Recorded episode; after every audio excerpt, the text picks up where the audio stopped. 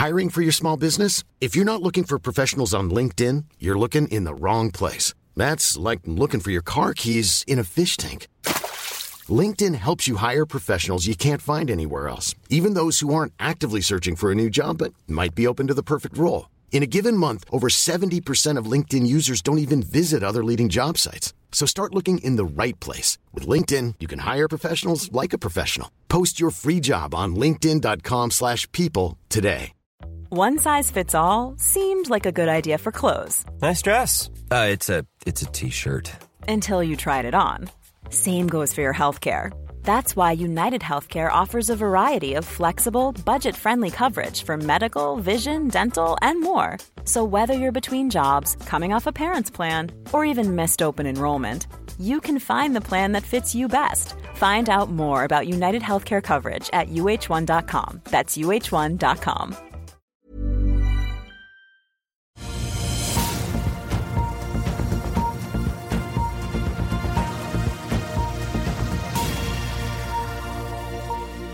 God morgen og velkommen til Børsmorgen. Jeg er Marius Mørk Larsen. Med meg har jeg aksjekommentator Karl Johan Molnes, og vi skal straks snakke med shippinganalytiker Petter Haugen i ABG Sundal Collier. Men først 27.9 er så vidt i gang, og vi sparker i gang onsdagen med å fortelle at Equinor investerer 40 milliarder kroner i det omstridte gigantbudsjettet Rosebank. Utbyggingen på britisk sokkel har anslåtte utvinnbare ressurser på 300 millioner fat olje for fase 1 og fase 2, der fase 1 utgjør hovedparten på rundt 245 millioner fat.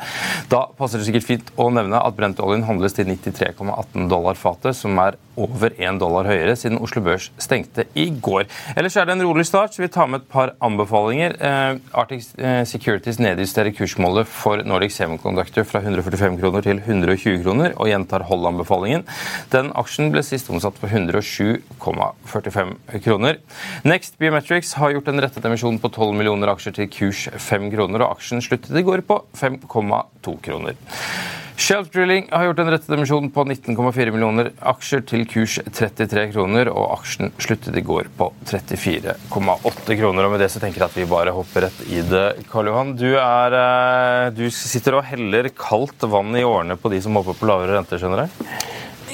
De må bare se på markedet. og du vet Federal Reserve de styrer jo den korte enden, og den har de økt til over 5% men eh, Eh, nå har de også hentet inn det de eh, klarer å ta i den korte enden, altså 20 til å finansiere staten. Nå må de begynne å gå ut på rentekurven, og da sier markedet det at eh, da må de opp med renten. Så renten har i løpet av september steg med en halv prosent til 4,5% og det er fordi at de største kjøperne, Japan og Kina, trenger pengene til å støtte opp egen valuta. Og med det budsjettunderskuddet som USA kjører nå, de kjører jo nesten som en krigsøkonomi, så krever det veldig mye finansiering finansiering. Og eh, Da går renten opp. Og eh, Vi har tidligere skrevet det at, eh, om liksom hvor høyt kan rentene gå. Og Da var Rabobanks analytiker i Singapore eh, du vet, eh, Holland styrte jo verdenshandelen i 400 år. og det er jo sånn at Du kan jo kjøpe hele europaporteføljen ved å kjøpe den hollandske børsen hvis du bare legger til Schibsted. Eh, så De har, de, liksom, de styrer, styrer, fortsatt litt verden hollenderne. så De vet liksom de, hvordan de store selskapene tenker.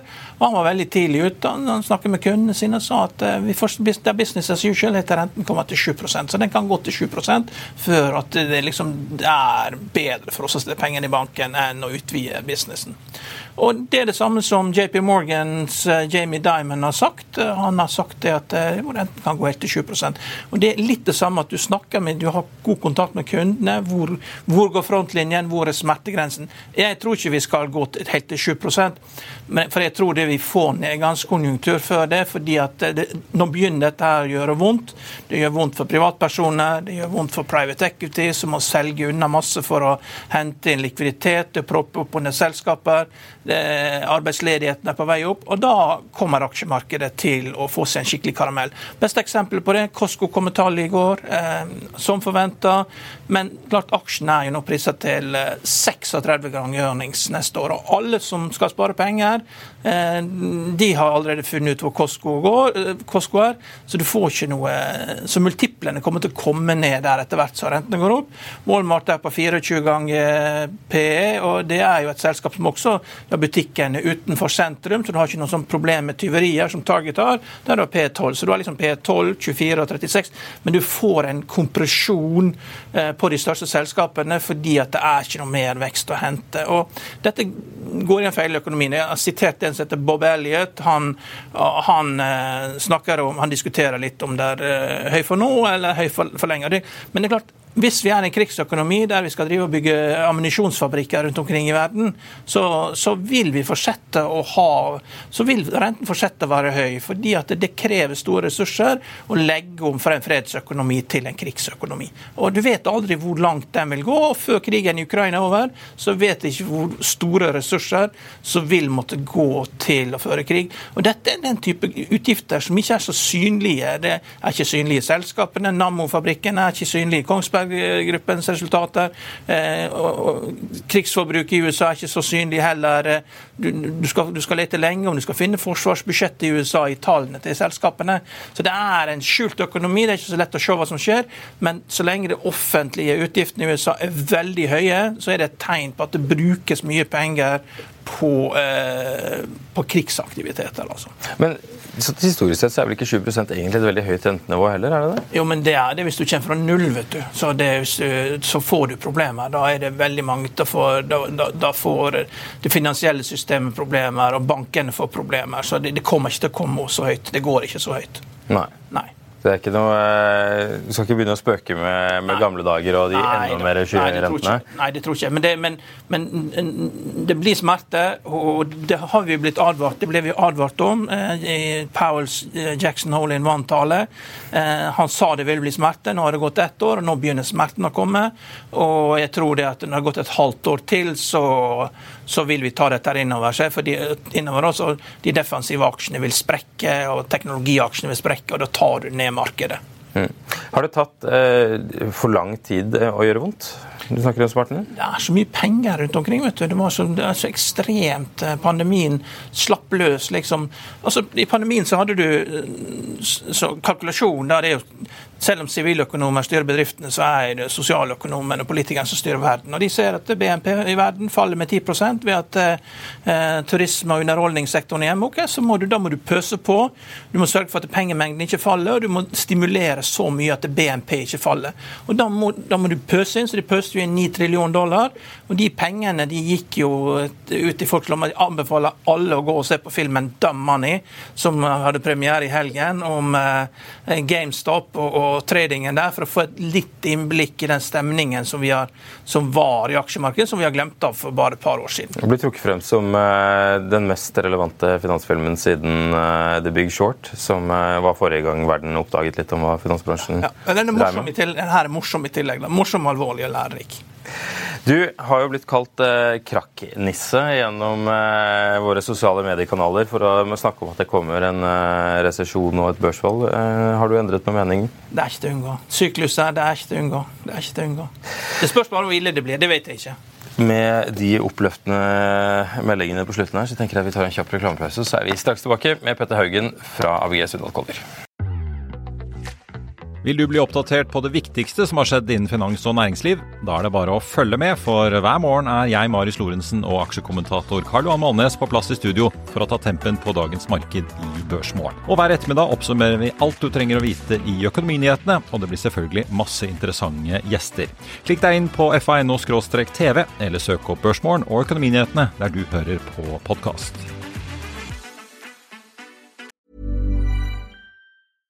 I'm Sandra, and I'm just the professional your small business was looking for. But you didn't hire me because you didn't use LinkedIn jobs. LinkedIn has professionals you can't find anywhere else, including those who aren't actively looking for a new job but might be open to the perfect role, like me. In a given month, over 70% of LinkedIn users don't visit other leading job sites. So if you're not looking on LinkedIn, you'll miss out on great candidates like Sandra. Start hiring professionals like a professional. Post your free job on linkedin.com/people today. I'll see you in court. Vi sier det ofte litt på spøk, men for deg som driver business, er det aldri moro å innse at du ikke har laget en 100% gyldig kontrakt. Du bør ikke risikere hele firmaet ditt fordi du synes dette med kontrakter er litt stress. En avtale er ikke en avtale. Du kan miste kunder, miste venner, ja, til og med miste inntekter om du ikke lager en skikkelig kontrakt, på alt mulig, egentlig. Men vi vet det er et styr. Kopimaskiner, tregprinter og haugevis av papir. Dessuten stoler vi jo på folk her i landet. Det er ofte litt kleint å skulle be om en signatur for alt mulig, ja, for mye av styret handler også om jakten på underskriften. Det finnes en enkel måte å løse dette på, Dukkobit, en trygg, effektiv og get this, gratis måte å sikre seg en god natts søvn pluss en juridisk bindende avtale. Dukkobit-appen har de strengeste sikkerhetskrav i bunn, samt en EU-godkjent og sertifisert teknologi. Framover vil det bli behagelig å spørre du, skal vi skrive under på det, eller? Kom i gang på dukkobit.no.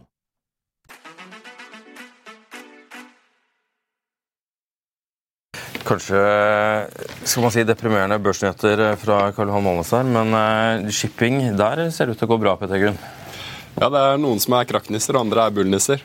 Så vi har hele nissesortimentet i studio i dag. Ja, Så bra. Ja. Hva er det som er eh, hva, hva, bruker du dagen mest på om dagen i Kjøping?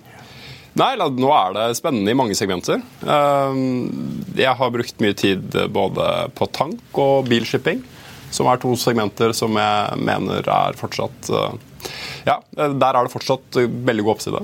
Eh, det er to segmenter hvor det skjer strukturelle endringer på etterspørselssiden.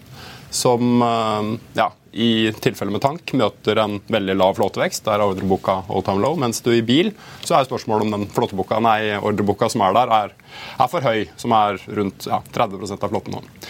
I gass så er eh, nå i Hva var det du kalte det, Karl Johan? Fattigmannsgass, LPG-en.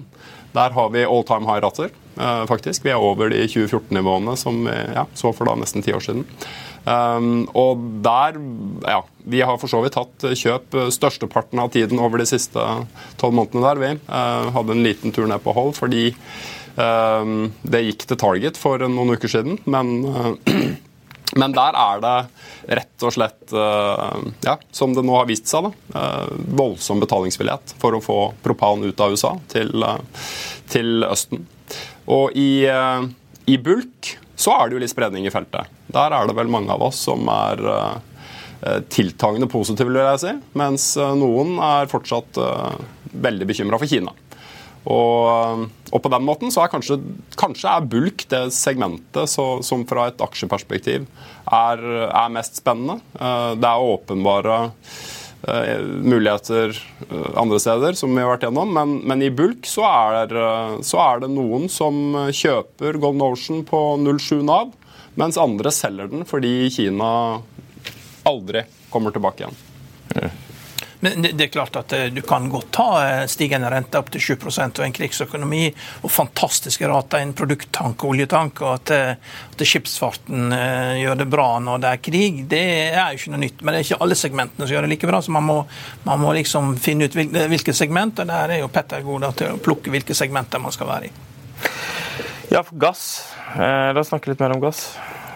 Ja, der har vi jo allerede fra krigsutbruddet hatt store endringer. Det begynte jo med er det rikmannskast, da, eller? På LNG. Ehm, så LNG-siden var det jo som skulle da supplere for de rørgassvolumene som falt vekk med russisk, eh, ja, med russisk eh, stopp i eksport. Og det gjorde den jo. Så i gassegmentet så importerte da Europa over 50% mer i 2022 enn i 2021. Ehm, og, ehm, og, det gjorde faktisk at eh, det tidvis da var for mye LNG-skip. Men allikevel så betalte folk mer enn noensinne for å leie de, fordi eh, de ble brukt til lager. Så skip trenger ikke brukes til transport, de kan også brukes til lager. Og av og til så betaler det bedre.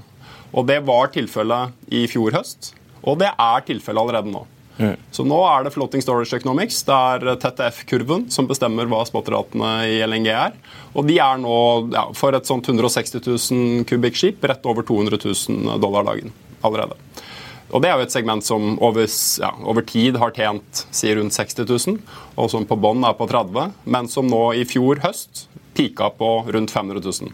Det kommer ikke til å skje i år, tror vi. Eh, men det er jo igjen egentlig et gassprisspørsmål heller enn et shippingprisspørsmål. Så hvor mye prisdifferansen er på fra en måned til en annen i gassmarkedet, er det som setter uh, rikmannsgassegmentet nå, og ratene der.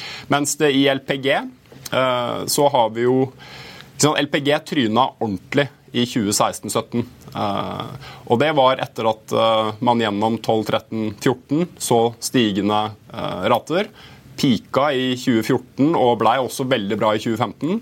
Ordreboka kom voldsomt opp. Og så kom leveransene da i slutten av 15, 16 og 17, og ratene var godt under cash break-even-nivåer i både 16 og 17.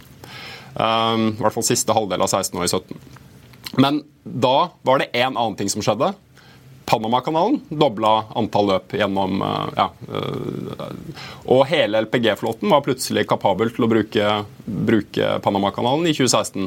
Og det var tror eh, jeg, en viktigere faktisk årsak enn at flåteveksten var ja, fra bakhodet her 15-16% de årene er sånn.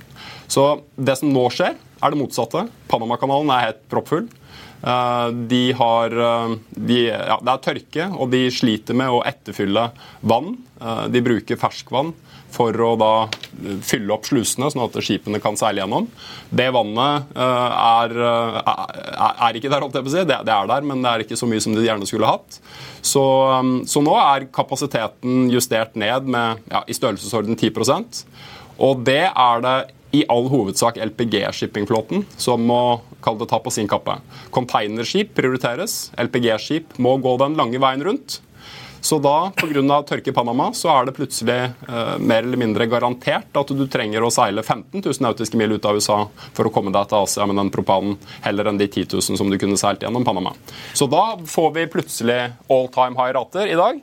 Og det, det, det kan altså All time high rater kommer aldri til å vare. Nei. Nei, men, det kan vare en stund. Årsaken til at shipping gjør det så bra, er jo at det er veldig effektivt. Du kan liksom eh, eh frakte olje fra Saudi-Arabia til USA for litt over en dollar fatet og få god avkastning på kapitalen hvis du lar skipet gå i 20 år. Nå er ikke det den mest vanlige ruten. Du kan ta trelast fra Chile til Tofte cellulose den gangen det var så like billig som det, er en det, eh, like billig som det koster å kjøre med lastebil i tre dager. Så shipping er veldig effektivt. Det, og, det, og, det, betyr at når du får en ekstrem situasjon sånn som nå, eh, med produkttankere som går til eh, Du går med oljen til India og tilbake igjen, og du får mye økte distanser. Så det er klart det blir en veldig høy lønnsomhet. Sant? Oljeprisen er eh, nesten 100 dollar fat om du betaler 1 eller 3 dollar fatet for den oljen. Det spiller ingen rolle. Men den dagen det blir fred, da dette ratene ned til kost pluss, da får du bare kapitalkostnaden din dekka, fordi konkurransen sørger for det. Men vi er ikke der. Altså det, du kan ha, Så lenge det er krig i Ukraina, så vil shipping eh, og produkttank og oljetank fortsette å gjøre det bra. Er det riktig? Uh, ja, det er definitivt viktig at vi har veldig ineffektive seilingsmønstre sammenlignet med hva vi hadde uh, forut for krigen um, i oljetank. Men det er ikke det viktigste, i min mening, på etterspørselssiden. Det viktigste er altså Du brukte eksempelet fra Saudi-Arabia til USA. Det, og Grunnen til det er at eh, ja, for 15 år siden så var det den aller viktigste ruta i hele tanksystemet. Midtøsten-olje inn til USA. USA var, altså I 2006 så dekker USA 60 av oljeforbruket sitt med import. Nå er de nettoeksportør. Og den perioden her, og det her er kanskje det jeg mener er dårligst forstått Perioden med US Shale, hvor da amerikansk produksjon vokser og vokser og vokser, og vokser, er en strukturell negativ faktor for oljetank. Veldig enkelt forklart. Den aller største importøren i verden fant opp en ny produksjonsmetode som gjorde at de klarte å produsere det selv. Og alt annet like så skal da trade falle, men det som heller skjer, er at veldig forenklet, så er det den Midtøsten-oljen som gikk til USA, den gikk da i større grad til Asia, som vokste. Så når du ser på verden over de siste 15 årene så er det essensielt USA som bidrar med produksjonsvekst, og Asia som bidrar med etterspørselsvekst etter olje. Og Det som er spesielt interessant, er at det var først egentlig i fjor at den amerikanske oljeeksporten, råoljeeksporten, oversteg råoljeimporten. Og da, ikke sant, i shipping, hvis du har, sånn som det var da, i 2016, 17, 18, så kom det fortsatt uh, ja, si 4-5 millioner fat uh, olje inn til USA. Men det gikk ut 1-2 millioner fat. Ja, Ca. halvannen i, i, i 2017. Um, men når du skal ha halvannen ut, og det kommer tre inn, så er de tre millioner fatene som kommer inn, da, da har du skip tilgjengelig for å ta det, den oljen, den permanolien, lette, søte permanol ut igjen. Nå har det snudd. Nå er det sånn at det siste skipet må ballastere inn til Gulfen for å hente den siste olja. Og det er vesentlig viktigere enn eh, en krig. Krig er temporært, eh, får vi jo inderlig håpe, og bidrar på våre balanser med i størrelsesorden 3-4% av total etterspørsel. Så hvis Ukraina-situasjonen eh, ja, avklares og vi går tilbake igjen til normalen, så har du en negativ etterspørselseffekt på, på råoljetank og kanskje et prosentpoeng høyere på produkttank i størrelsesorden 4-5% 3-4% på crudetank. Så det er bad. Men, men underliggende strukturell etterspørselsvekst i tank kommer til å, med forutsetning om at det er amerikanerne som fortsatt skal produsere inkrementell olje for fortsatt stigende oljeetterspørsel i hele verden, sykt bull. Men når Rystad sier i avisen at eh, produksjonen i USA skal øke med 1-2 millioner fat, det er jo lett olje. Eh, må det da importeres mer tungolje til deres raffinerier for at den skal blandes der, eller går all den lette oljen ut, og hvor går den til? Nei, altså... Eh dette her er jo egentlig et spørsmål Rystad antageligvis svarer bedre på. Men altså et raffineri essensielt består av to deler. Et vanlig konvensjonelt destillasjons, destillasjonstårn, og så har du en del oppgraderingskapasitet av den oljen som ikke de klarer å lage ordentlige produkter av i det første tårnet. Så liksom sender olje inn, varmer det opp, tar ut produktene, og så sitter du igjen med en sak til slutt som du da putter inn i hva man kaller cokers og crackers, for å da bryte det ned ytterligere, så du lager produkter. Amerikanske, altså? Forrige gang vi pra prata om peak oil, 2007, da var det ikke peak oil demand, men peak oil supply. I 2008 så står verden og er mer eller mindre enige om at er, det er ikke nok olje nå. Brent går liksom, på peak til 140 dollar, og, og, det er egentlig krisestemning fra et supply-perspektiv. Um, og, øh, og, da er det lett, søt olje man er tom for. Så kommer US Shell med lett, søt olje. Amerikanske raffinerier har jo da i tiår investert for nettopp å kunne ta tyngre og tyngre kvaliteter, som da krever mer og mer kall prosesseringskapasitet for å lage bensin og diesel og, og jetfuel. Så amerikanske raffinerier har mye, og, altså har mye kapasitet til å da behandle tung, sur, tung olje, i all hovedsak. Så på deres eh, optimerings, altså LP-programmeringssystemer så er det da lønnsomt å ta inn billig diskontert tung olje, prosessere den, lage produkter av det, og heller eksportere lett søt Permian. Men det er ikke umulig for amerikanske raffinerier å bruke eh, Permian-kvalitet. De får bare ikke den samme utnyttelsen og har en sunk kost på store deler av infrastrukturen sin. Så alt er økonomi. Alt løser med pris. Men faktum er at uh, amerikansk eksport av råolje uh, øker nå ja, Nå ligger vi rundt 4 millioner fat per dag. Det var da omtrent null i 2016, hvor amerikanerne først tillater å eksportere råolje, etter at de forbød det fra 70-tallet av. Um, og så er uh, importen i 2023 antageligvis høyere enn i 2022 også. Så nå vokser både import og eksport i USA fordi amerikanske raffinerier optimerer sin miks med én målfunksjon. Den er siviløkonomenes uh, liksom, første, første teorem profittmaksimering liksom vi, vi, allokerer, og det er jo som du sa, shipping tillater verden å utnytte hverandres komparative fortrinn. Det er derfor eh, vekst kan være noe annet når vi bytter innsatsfaktorer og ferdigvarer, heller enn at alle sammen må lage både poteter og elbiler selv. Hadde ikke shipping vært så billig, så hadde ikke Japan kunne vært en så suksessfull industrinasjon. Men hvilken favorittaksje har du hvis du skal velge mellom tank og produkttank? Hva er best? da? Er det fortsatt Okeanis som er på topp, eller er det andre? Nei, altså, vi, vi, hadde jo Okeanis på toppik en periode her, og det var for så vidt helt riktig. Og, men, men, det var jo også en periode hvor vi var involvert i denne frontline Euronav-transaksjonen, som gjorde at jeg som analytiker ikke da kunne ha noen eksplisitt anbefaling på frontline. Så vi, når vi nå snakker med kunder, så fremholder vi frontline som toppik. Men altså, fundamentalt sett så er det stor, egentlig gammel, høyt gira tankbåt vi ønsker oss til jul. Uh, men du får ikke det nå der ute. Så i, i, Frontline så får du store båter. Det får du jo ikke i Anes. Men de er jo ikke gamle lenger. holdt jeg på å si. De har jo aldri egentlig vært gamle der. Men, uh, men der er flåten forholdsvis ny. Også, men så er det jo fortsatt en del finansiell leverage igjen. da.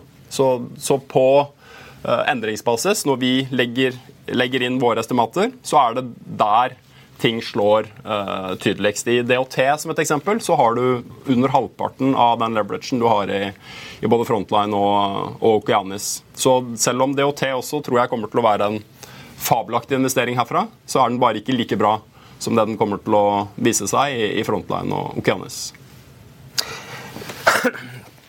fra, fra, olje til ting som bruker olje, eller kanskje ikke lenger. er bilfrakt. Ja. Fordi der, eh, Det har jo vært liksom eh, den mest hypa shippingsektoren kanskje i, eh, i 2023. Du, snakket, du, var, du, var, så vidt innom det i stad med 30 flåtevekst. Hvor lenge skal dette fortsette å være et, bra sted å investere? Eh, nei, det er, et, eh, det er, egentlig to ting som essensielt betyr noe. Eller én ting som betyr noe, da. Fordi uh, kommer kinesisk bileksport til å vokse uh, nok til å fylle ordreboka? Det, det, er spørsmålet i bilfrakt, essensielt. Um, og der har jo vi svart ja en god stund. Vi tok en, en fot i bakken. Altså, disse aksjene gikk jo egentlig voldsomt allerede i fjor, så gjennom 2022 så Hauto kommer på børs da i slutten av 21 på 21 kroner, tror jeg, hvis jeg husker rett. Uh, og, så, og, så, dobler den seg jo uh, i løpet av fjoråret. Og nå står den da i nesten 80 kroner igjen. Så den har jo gått, kall det firegangen fra, fra Hvor er det disse kinesiske bilene skal, da? Så, uh, nei, de går til hele verden. De går til hele verden. Um, det er jo nå, over de siste ukene, spesielt mye snakk om kinesisk produsert elbil til Europa. Mm. Det ser vi jo uh, du, du, ser det jo uh, i europeisk salgsstatistikk. Kinesiske merker vokser kraftigere enn noen andre. Og, men er jo fremdeles ikke på et veldig høyt nivå i andel av europeisk bilsalg. Men um, Kinabil uh, går uh, Kanskje de aller største volumene er jo da uh, vanlige, konvensjonelle biler. Kina, Kina, produserer nå én av tre biler i verden. Historikken er tilbake igjen til år 2000. Kina produserte ikke bil. Ble medlem av WTO, eller de produserte en halv million biler tror jeg, i 1999. på den statistikken Og så er den produksjonen nå gått fra nesten null til 6-27 millioner, litt avhengig av hvordan du teller med kommersielle vehicles osv. Men, men i, essensielt så er Kina nå produserende én av tre biler i verden. Men det var først i 2020 at eksporten deres begynte å signifikant øke. Så altså, Kina burde jo allerede vært den by far største eksportøren i verden. Det var de, eller det er de i ferd med å bli nå. 2023 kommer de til å bli det. Hmm? Største markedet deres er vel fremdeles Kina? eller ikke det? Jo, jo, jo, jo, by far. Uh, by far. Så av den produksjonen som de nå Uh, altså av, produks av, uh, av, produksjonen sin så eksporterer de altså I fjor så eksporterte de da rett over 10 av totalproduksjonen sin. Ikke sant? Japan, Korea, Tyskland eksporterer 60-80 av totalproduksjonen sin. Kina eksporterte 10% i fjor. I år kommer de kanskje til å begynne å nærme seg 20% faktisk. Og Det er det her som gjør det så vanskelig òg. Fordi kinesisk eksportvekst er ikke begrenset av kinesisk bilproduksjon. Så Kina kan eksportere et vilkårlig antall. Og når vi nå snakker med uh, aktører i bransjen, så hører vi jo f.eks. at noen mener det er 50 bilskipekvivalenter av biler som nå går i konteinere. Som ikke ville gå i konteinere hvis det var et bilskip ledig. Og ratene som bilskipene tjener nå, de har liksom én serie som strekker seg litt tilbake i tid. Det er ett års TC-utleie for et stort uh, bilskip. Den står nå i 110 000 dollar dagen. På peak i 2008 så kåte eh, Clarkson den på 53 000 dollar dagen. Så vi er på doble nivåer av forrige peak, og vi har ligget der nå snart et år. Men hva med sanksjoner, da? Det spekuleres jo i, iallfall i Europa, i at de skal sanksjonere kinesiske biler. Ja, det er, jo, altså, det, det er, jo, politiske beslutninger som virkelig kan forrykke det vi tenker om disse strukturelle etterspørselsendringene i shipping. Om det er forbud av amerikansk råoljeeksport eller forbud av kinesisk bilimport i Europa. Eh, begge deler er, eh, er, svært signifikante. Jeg tror vel på relativ basis så er det mye verre om amerikanerne forbyr eh, råoljeeksport for tankmarkedet enn det er for at Europa forbyr Kina-import på bilmarkedet. Det, man kan tåle det, tror jeg. Ja, Hvis ikke hvis du sitter med Tesla-aksjer, tror jeg. Men ellers skal det vel gå ganske greit. Men, men ja, 60% det var det 60% de spekulerte i at det gikk på 60% kapasitet på i Kina på Tesla-fabrikken nå pga. spekulasjoner om, om, eksporten. Så det kan jo bli spennende å se om det slår til. Men det med biler i container og sånn eh, var jo så heldig at det, det er noe jeg har lurt på sjøl. Liksom, jeg vet ikke hvor jeg leste det, Financial Times eller et, et, eller annet sted jeg leste at det, eh, halvparten av eksporten gikk ut da, i containere. Og, og, jeg spurte sjefen i VAI hva, hva er dette her, hva er det som er i disse containerne.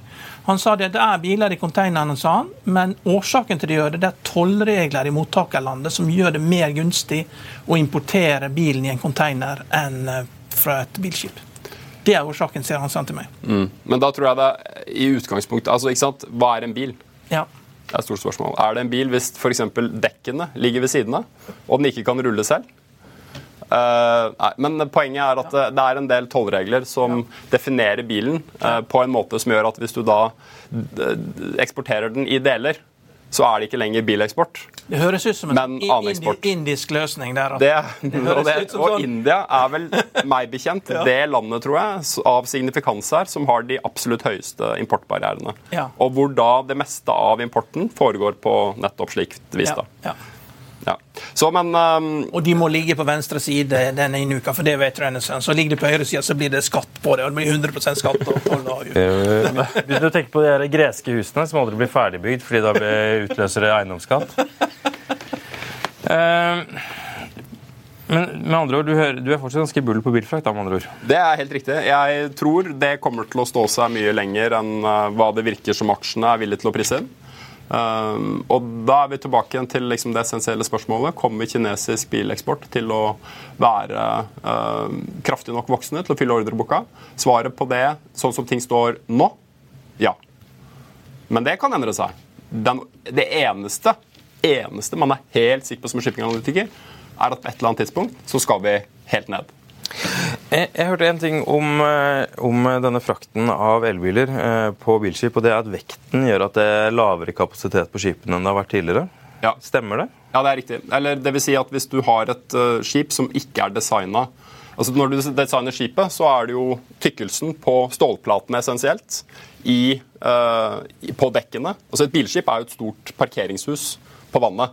Så det har, eh, ja, Litt avhengig av størrelse, selvfølgelig, men det har jo da det har vel opptil 12-13 tror jeg, forskjellige altså etasjer som bilene kjøres inn på. Og hvis du har bygd skipet for 30 år siden, uh, eller også bare 15 år siden, så bygde du ikke det skipet for stor, uh, stor Tesla Modell X. Um, som veier da mer per kvadratmeter enn lettere, lettere bensinbiler. Mm.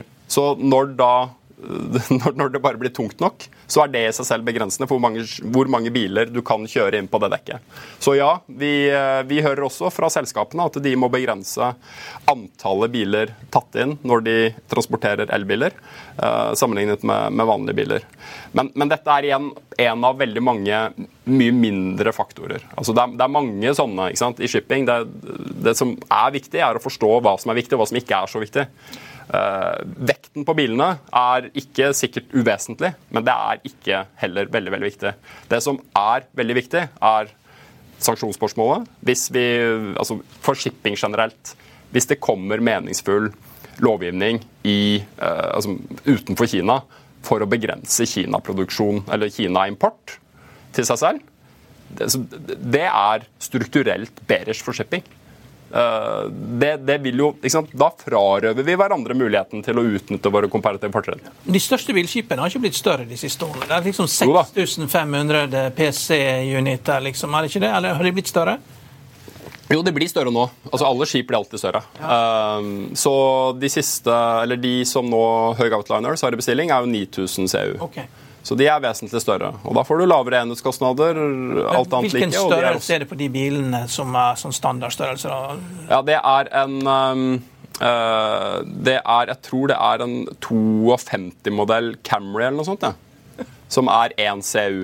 Okay. Men 1 CU er 10 kubikk. Det er den enkle, enkleste måten å tenke på det på. Så 10 kubikk det er en bilekvivalent i, eh, eh, i bil, bilfraktsammenheng. Og en vanlig bil i dag er kanskje nærmere 15 enn 10. da. Så i det som ligger an til å bli en litt eh, rufsete børshøst, så er eh, det trygge stedet å putte pengene her i shipping? Det er, det er så trygt i shipping. Der kan det aldri skje noe uforutsett eller ting du ikke har tenkt på. Så det, det anbefaler jeg alle. Hvis du, liksom, det er enten amerikanske statspapirer eller shippingaksjer egentlig, som er den trygge havnen her. Nei, det, det, kommer å, det kommer til å være voldsom volatilitet herfra. Bil og, og, og LPG-shipping spesielt, det står, det står på all time high. Og da er du helt sikker på at det ikke skal vare. Det, det, det, er det eneste jeg er helt sikker på, det kommer ikke til å vare. Spørsmålet er hvor lenge det varer. Og for så vidt hvor høyt det går. Jeg tror vel ikke det skal så mye høyere i bil det, på spotrater, fordi det er, det er blitt ganske dyrt. Vi snakker om at vi jo har ja. Eh, Så, så, så spotrater skal stige i bilmarkedet? Kanskje ikke. I LPG så, så kan du faktisk enkelt se for deg at ratene kan gå til 200 000 dollar dagen pluss. Og dette handler om at shipping er så billig når det leverer på kost. Og så kan det bli så bra earnings når du begynner å detektere hva betalingsvilligheten er for den tjenesten du utfører. Det er en tjeneste òg. Det er ikke en commodity. Du kan ikke lagre det. Så du må konsumere det der og da. Eh, og det gir deg muligheten til å få eksempelvis to millioner fat med råolje uh, rett inn i raffineriet ditt, og det er du potensielt villig til å betale ikke én og ikke fem, men kanskje 10 og 20 dollar per fat for å få, hvis du virkelig trenger det.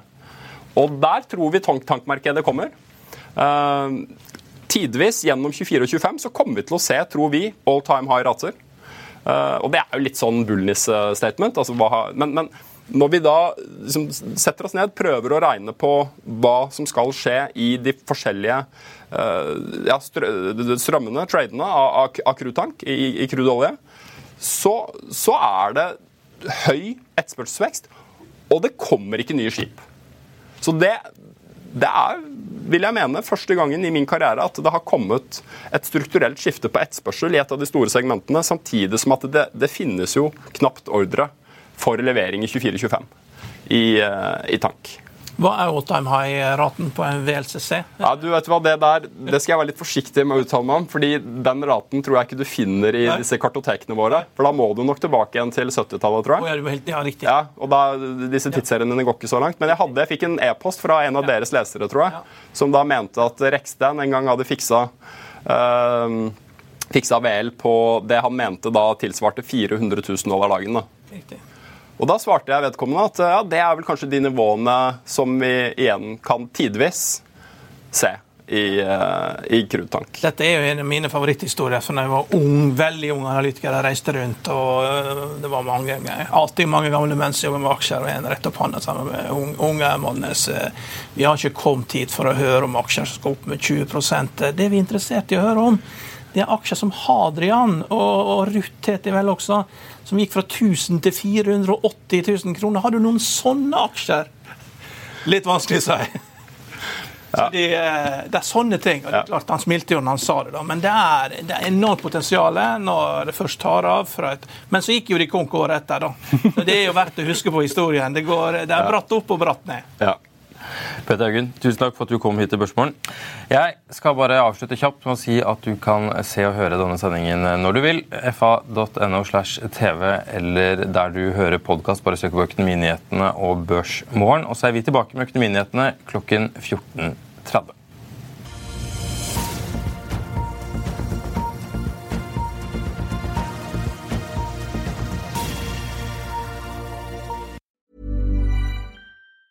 Planning for your next trip? Elevate your travel style with Quince. Quince has all the jet setting essentials you'll want for your next getaway, like European linen, premium luggage options, buttery soft Italian leather bags, and so much more. And it's all priced at 50 to 80% less than similar brands. Plus, Quince only works with factories that use safe and ethical manufacturing practices. Pack your bags with high-quality essentials you'll be wearing for vacations to come with Quince. Go to quince.com slash trip for free shipping and 365-day returns.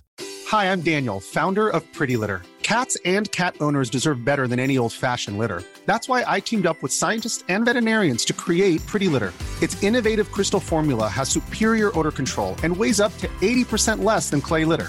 Pretty Litter even monitors health by changing colors to help detect early signs of potential illness. It's the world's smartest kitty litter.